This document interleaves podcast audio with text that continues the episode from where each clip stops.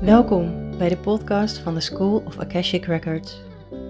Jouw bron van inspiratie op het gebied van spiritueel op aarde zijn. Hoe kun je een soul-aligned leven leiden met beide benen op de grond? Ik vertel het je graag. Hey, goeiedag. Superleuk dat je weer luistert naar deze nieuwste aflevering. En deze aflevering gaat over je eigen verantwoordelijkheid nemen. Um, vanmorgen zat ik in de auto en toen werd ik geïnspireerd door een podcast van iemand anders. En toen dacht ik, ja, dat is ook zo. En je hebt helemaal gelijk. Uh, dit is ook iets wat ik teach en dat gaat over zelf dus de leiding nemen over je eigen leven. Zij gebruikte daar andere woorden voor. Um, en ik heb altijd mijn eigen metaforen die ik gebruik. En dat is stap zelf um, achter het stuur. Als je in een schip zit, in een boot, wees dan zelf degene die de boot bestuurt. En laat de boot niet stuurloos zijn. Dat heeft ook weer uh, te maken met wat ga je doen als je uit die boot valt. Stel je springt zelf uit die boot. Um, je kan niet goed zwemmen. Kun je dan zelf terug in die boot klimmen? Kun je zelf die verantwoordelijkheid nemen over jouw leven? Om überhaupt niet eens uit die boot te springen.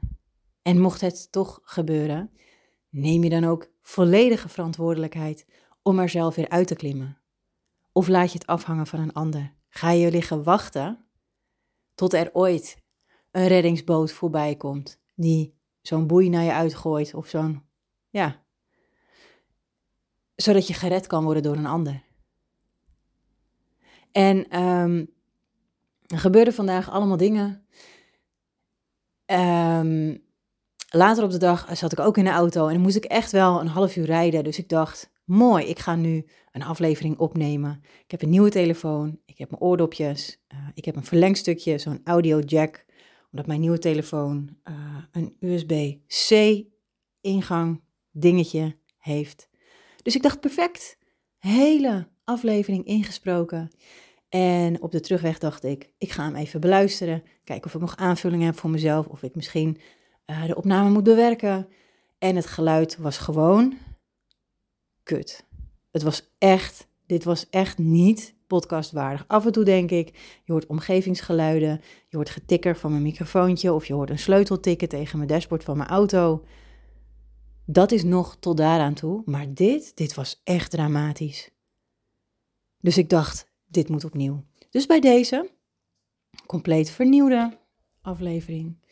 Um, het is wel jammer, want ik zal waarschijnlijk niet de volle enthousiasme delen waarmee ik de vorige aflevering heb ingesproken. Maar dat maakt niet uit. Dat doet niks af van de boodschap die ik met jou te delen heb. Um, die verantwoordelijkheid nemen over je eigen leven, die is zo belangrijk. Ik heb een heel goed voorbeeld. Vanmorgen um, wist ik dat het gevroren had buiten. Ik wist dat het koud was. En ik wist ook dat ik de ramen van mijn auto zou moeten gaan krabben, want er lag een laagje ijs op. Dat wist ik. Um, toch gebeurde het dat ik wat trager was vanmorgen. En de kindjes hè, opstarten, aankleden, eten geven, drinken, lunchtrommels klaarmaken. Dat hadden we gisteravond niet gedaan. En um, uiteindelijk was het gewoon eigenlijk net iets te laat dat we de deur uitgingen. En toen ik een kwartier lang aan het ijskrabben was, toen zei mijn dochter al: Mam, we komen te laat. Dacht ik: Ja, je hebt gelijk. Ik stuur wel even een berichtje naar school. En toen we uiteindelijk de school binnenliepen, toen, toen zei ik nog tegen haar: Let op, hè. Het is niet jouw schuld dat jij nu te laat bent. Ze zit in groep 5. Het is mijn schuld. En toen zei ze: Nee, mama, jij kon er toch ook niks aan doen dat er een laagje ijs op je auto zat? Ik zeg: Dat klopt, daar kon ik niks aan doen. Maar waar ik wel iets aan kon doen, was: eerder de deur uit om het laagje ijzer af te halen. Dus het is mama's schuld dat jij nu te laat bent. Het klinkt misschien een beetje zwaar, schuld. Ehm, maar ik wil wel mijn dochter leren dat iets buiten jezelf nooit de oorzaak mag zijn van iets wat jij doet of wat jij niet doet of niet goed doet. Ik zal hem even anders verwoorden. Ik wil mijn kinderen allebei leren dat als ik te laat kom ergens, dat het mijn eigen verantwoordelijkheid is. En op het moment dat ik die verantwoordelijkheid ga leggen buiten mijzelf, dus bij een ander of bij uh, weersomstandigheden of verkeersomstandigheden, dan stap ik in een slachtofferrol. Laat die even binnenkomen.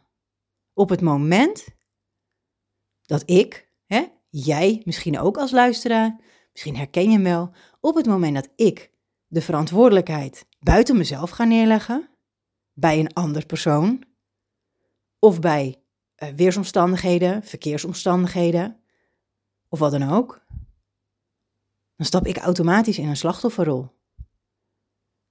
Dus door volledige verantwoordelijkheid te nemen over mijn leven en aan te geven: ja, ik was te laat, sorry, is het oké. Ik kan er ook nog bij vermelden, aangezien ik vervolgens zelf ook nog te laat kwam op een afspraak. De volgende keer zal ik eerder de deur uitgaan. Ik zorg dat ik de volgende keer op tijd ben. Mijn verantwoordelijkheid. En de reden dat ik hier, dat dit mij even triggerde vandaag. Nee, triggerde me niet. Het, het, mijn aandacht ging er naartoe. Want ik heb jarenlang in een hele andere mindset gezeten. Mijn, mijn brein was, um, was gericht op tekort, op slachtofferschap. En um, de reden dat ik tekort hierbij haal, is dat dit allemaal met elkaar te maken heeft. Door de verantwoordelijkheid bij een ander te leggen, zul jij nooit um, sterk in je schoenen kunnen staan. Zul jij nooit je droomleven kunnen creëren. En bij mij had dat te maken met tekort ervaren. Ik ken een tijd waarin ik elk dubbeltje moest omkeren. En um, ik was toen samen met de vader van mijn kinderen. Mijn kinderen waren nog niet geboren. En um, we hadden net een huis gekocht en dat had, eigenlijk was dat niet handig. Gewoon verkeerd geïnformeerd, um, verkeerd voorgelicht en ook allebei nooit geleerd hoe je goed met geld om moet gaan. En het ging gewoon niet goed. Dus waar we allebei al een tekort mindset hadden, werd het alleen maar erger. Nu wil ik vooral voor mezelf spreken. Um, elk dubbeltje om moeten keren. Een maaltijd koken en daar drie dagen mee moeten doen. Diepvriesgroentes eten. Uh, veel pasta's. Eén keer in de week bij iemand anders eten en dan hopen dat ze dat oké vinden. Want hè, ze zien me weer aankomen. Heb je haar weer zonder geld? Komt ze nou weer bij ons eten? Of dat ze er geen tijd voor hadden. Maar dit was dus, dus een, een, een fase in mijn leven dat ik dacht: nee, ik wil dit helemaal niet. Dus aangegeven bij mijn werkgever: ik wil meer werken. Dat kon niet. Dat was toen nog in een tijd dat er heel veel werknemers waren. Dus ik, uh, ik nam er een baantje bij. En toen nam ik er nog een baantje bij. Dus dan had ik drie baantjes, drie parttime baantjes. Ja, dat schoot natuurlijk ook niet op. Um, nou, even verder. Goed gesprek gehad met mijn beste vriendinnetje. En die zei tegen mij, ik had het over een kinderwens. Ik zei, ja, ik denk dat wij wel binnenkort willen beginnen met kinderen. Maar ik wil eerst dat mijn huis af is, dat het financieel stabieler is. Dit, dit, dit en dit. En ze zei tegen mij, en ik ben nog steeds ontzettend dankbaar dat ze dat gezegd heeft, want uh, ze vertelde het vanuit haar eigen ervaring. Ze zei, ja, dat hebben wij ook gedaan. We hebben alles afgevinkt wat we wilden doen. En toen kwam het kindje. Maar het kindje kwam niet. En daar hebben we nog drie jaar op moeten wachten. Want het lukte niet vanzelf. Toen zei ze: Als ik jou mag adviseren, wacht niet tot je er helemaal klaar voor bent. Maar begin. Als jij voelt dat je er helemaal klaar voor bent, doe het dan. En dat heeft me aan het denken gezet. En toen hebben we nog een paar maanden gewacht. Ehm, nog steeds. Huis niet af. Financieel dingen niet op orde. Maar gevoelsmatig was dat het moment dat het klopte. En ik was direct zwanger. Niet normaal, eigenlijk. Ehm, dat zorgde er helaas wel voor dat dingen niet op, in orde waren. En dus dat toen ehm, mijn dochter geboren was, dat ik geen nieuwe spullen kon kopen. En het deed me zoveel pijn. Het deed me zoveel pijn dat ik een tweedehands kinderwagen moest kopen, een tweedehands autostoeltje, tweedehands kleding, tweedehands bedje, omdat ik zo graag alles nieuw had willen kopen. Dat had ik zo graag gewild. Een wollen dekentje wilde ik zo graag voor mijn dochter. Maar ik had er geen geld voor. En uiteindelijk Kijk, je kan hier natuurlijk van alles van vinden. En ik weet dat er mensen zijn die zeggen: maar als je het niet op orde hebt, dan begin je er toch niet aan. Nee, dat klopt. Het is ook inderdaad niet handig. Dat heb ik ondervonden. Maar gevoelsmatig klopt het. En als ik nu terugkijk, ja, mijn dochter wordt volgende week negen. Ja, het klopt helemaal. Ik ben ontzettend dankbaar dat zij gekomen is. Want zonder haar had ik nooit de groei door kunnen maken die ik nu doorgemaakt heb. Dan had ik nooit gestaan waar ik nu sta. Want door te weten wat ik niet wilde, wist ik des te meer wat ik wel wilde. En dat was overvloed. Dat was een huis wat op orde is. Dat was een bankrekening die overstroomde van, uh, hè, van overvloed. Nieuwe spullen kunnen kopen op het moment dat je het nodig hebt. Heerlijk. En daar ben ik voor gaan kiezen. En elke dag kon ik opnieuw de keuze maken. Welke keuze maak ik? Kies ik voor tekort kies ik ervoor om de verantwoordelijkheid buiten mezelf neer te leggen en slachtoffer te blijven van mezelf, door maar gewoon te blijven zitten en te wachten tot er iets verandert? Tot iemand me misschien komt redden? Nee, dat werkt niet. Dus ik ben helemaal in mijn eigen verantwoordelijkheid gaan staan. Ik heb gekozen voor mezelf. En ik ben alleen maar vooruit gaan kijken. Dit is wat ik wil en daar ga ik naartoe werken. En weet je waar ik nu sta? Ik moet even rekenen. Ik ben vijf jaar geleden gescheiden. Ik heb twee prachtige dochters. Twee super, super fantastische meiden. Ehm, ik heb een huis. Een fantastisch huis. Ehm, ik heb een nieuwe vriend. Al een paar jaar inmiddels. Bijna twee. Nee, anderhalf. Het voelt veel langer. En ehm, dat gaat ook fantastisch. En ben even aan het, aan het terugdenken en aan het schakelen naar nu. Toen mijn jongste dochter geboren was, toen konden we wel nieuwe spullen kopen. Maar het grappige was, ik kon het, maar ik wilde het niet. Want het was makkelijker om gewoon de spulletjes van haar zus te gebruiken. Maar wat een verschil in gevoel. Wat een contrast is dat. Of je het nou niet kan, maar wel wil. Of wel kan, maar niet wil. Dus interessant dit. Um, waar ik naartoe wil, is jij bepaalt zelf welk pad jij bewandelt. En dit heb ik al zo vaak verteld en ik kan het niet vaak genoeg vertellen. Je kan zelf kiezen. Er zijn honderden tijdlijnen waar jij op kan stappen. En ga maar eens staan en stel je maar eens voor dat er voor jou, dat er allemaal honderd van die, van die lijntjes naast elkaar lopen vanuit jou, ergens in de toekomst, recht voor je, uh, schuin rechts, uh, schuin naar links, links naast je. Je kan zelf kiezen welke kant je opgaat. Dus bedenk welke kant jij op wil.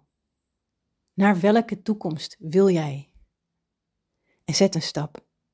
Zet eerst die ene been op een van die lijnen. Zet die stap maar. En als je die stap gezet hebt, dan zet je die andere ernaast en dan zeg je zo, Deze keuze maak ik nu. Dit is mijn toekomst. Deze kant ga ik op. Ik kies nu voor datgene wat ik wil. En ik laat me niet meer afleiden door niemand niet. En soms gebeurt het hè, dat je een stapje terug doet. Eén stapje achteruit. Maar vervolgens kun je er wel weer twee vooruit.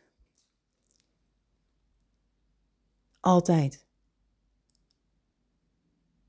Dus welke keuze maak jij? Neem jij nu in het hier en nu volledige verantwoordelijkheid voor jouw leven? Of niet? Ik ben nog even aan het, uh, aan het denken wat ik nou nog meer heb verteld voor morgen allemaal. En of er iets is wat ik nu nog mag delen in deze aflevering.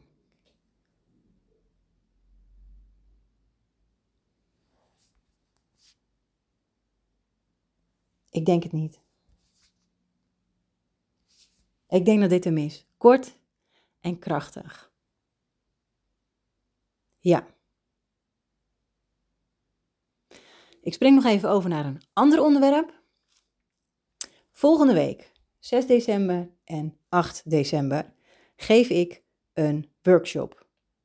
De workshop op 6 december ja, um, is voor human design types, generator en manifesting generator. En de workshop op vrijdag, 8 december, is voor de human design types manifestor, projector en reflector. En als jij iets weet van human design en je wilt daar meer over weten, dan wil ik je aanraden om even naar mijn website te gaan www.schoolofakashicrecords.com schuine streep human streepje design. En als je daar bent, kijk je verder. Ik heb een gratis masterclass opgenomen, een paar weken geleden. Als je daarvoor aanmeldt, dan krijg je die link gratis, of die krijg je dan in je mailbox, dan kan je die kijken. En dat is de basis. In die basis leg ik uit, wat zijn alle vijf de types? Um, wat is een strategie? Wat is een autoriteit? Wat is jouw levensmissie? Waar kun je dat vinden? Wat betekenen al die kleurtjes? Wat betekenen al die vakjes? Wat betekenen al die cijfertjes? En in de workshops van volgende week ga ik de diepte in. Dan ga ik echt de diepte in met jou. Wat betekent jouw type? Als jij een generator of een manifesting generator bent, dan ben je een werkbijtje. Dan kan je hard werken, dan ben je getalenteerd. En niet dat de andere types dat niet zijn, hè? Maar ehm, jouw aura werkt anders. Het werkt zo anders. En als jij een manifestor bent, of een projector, of een reflector, dan werkt jouw aura weer anders als de andere types. En hè, van de types van elkaar verandert het ook weer. Is het de bedoeling dat je gaat initiëren? Dus dat jij een idee bedenkt, compleet nieuw, en dat je het direct in kan zetten Oké, okay, ik heb een idee, ik heb een plan, ik werk hem uit, ik ga hem uitvoeren en ik heb hem de wereld ingebracht. Of is het de bedoeling dat jij een idee krijgt, dat je wacht, dat je anderen daar iets over vertelt, maar dat je wacht, totdat iemand jou vraagt: hey, had jij niet een goed idee laatst? Wil je daar iets meer over vertellen? En dan kun je los. Of ben je meer een spiegel? Ben jij gewoon een directe spiegel naar jouw omgeving? Naar de mensen waar je mee praat? Kun je ze direct teruggeven? Wat je voelt bij ze? Wat hun zwakke plekken zijn? Wat hun leerpunten zijn? Wat, um, wat ze tegenhoudt? Welke blokkades er zijn? Kun je dat feilloos bekijken? Voelen? Weten? Elk type heeft weer andere kwaliteiten. Dus welk type ben jij? En wil je hier meer verdieping in? Dan raad ik je zo aan om erbij te zijn.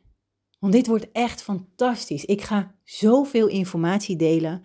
En het is een vaste prijs, die vind je op de website. Als je dit wil, je krijgt er ook nog eens een gratis werkboek bij. Uh, een werkboek vol met informatie over je type, over autoriteit, strategie, hoe dat werkt voor jou, hoe je dat in moet zetten. Um, wat al die pijltjes en dingetjes betekenen. Alles staat daarin. Het is een werkboek van, als ik het goed heb uit mijn hoofd, zo'n 20 pagina's. Het is veel. Het is zoveel waard voor zo'n lage prijs. Ehm, en ik zou het echt super gaaf vinden als je erbij bent. Super gaaf. Dus woensdag, volgende week woensdag. Je kan je echt tot een uur van tevoren kun je je aanmelden. Um, super tof als je erbij bent.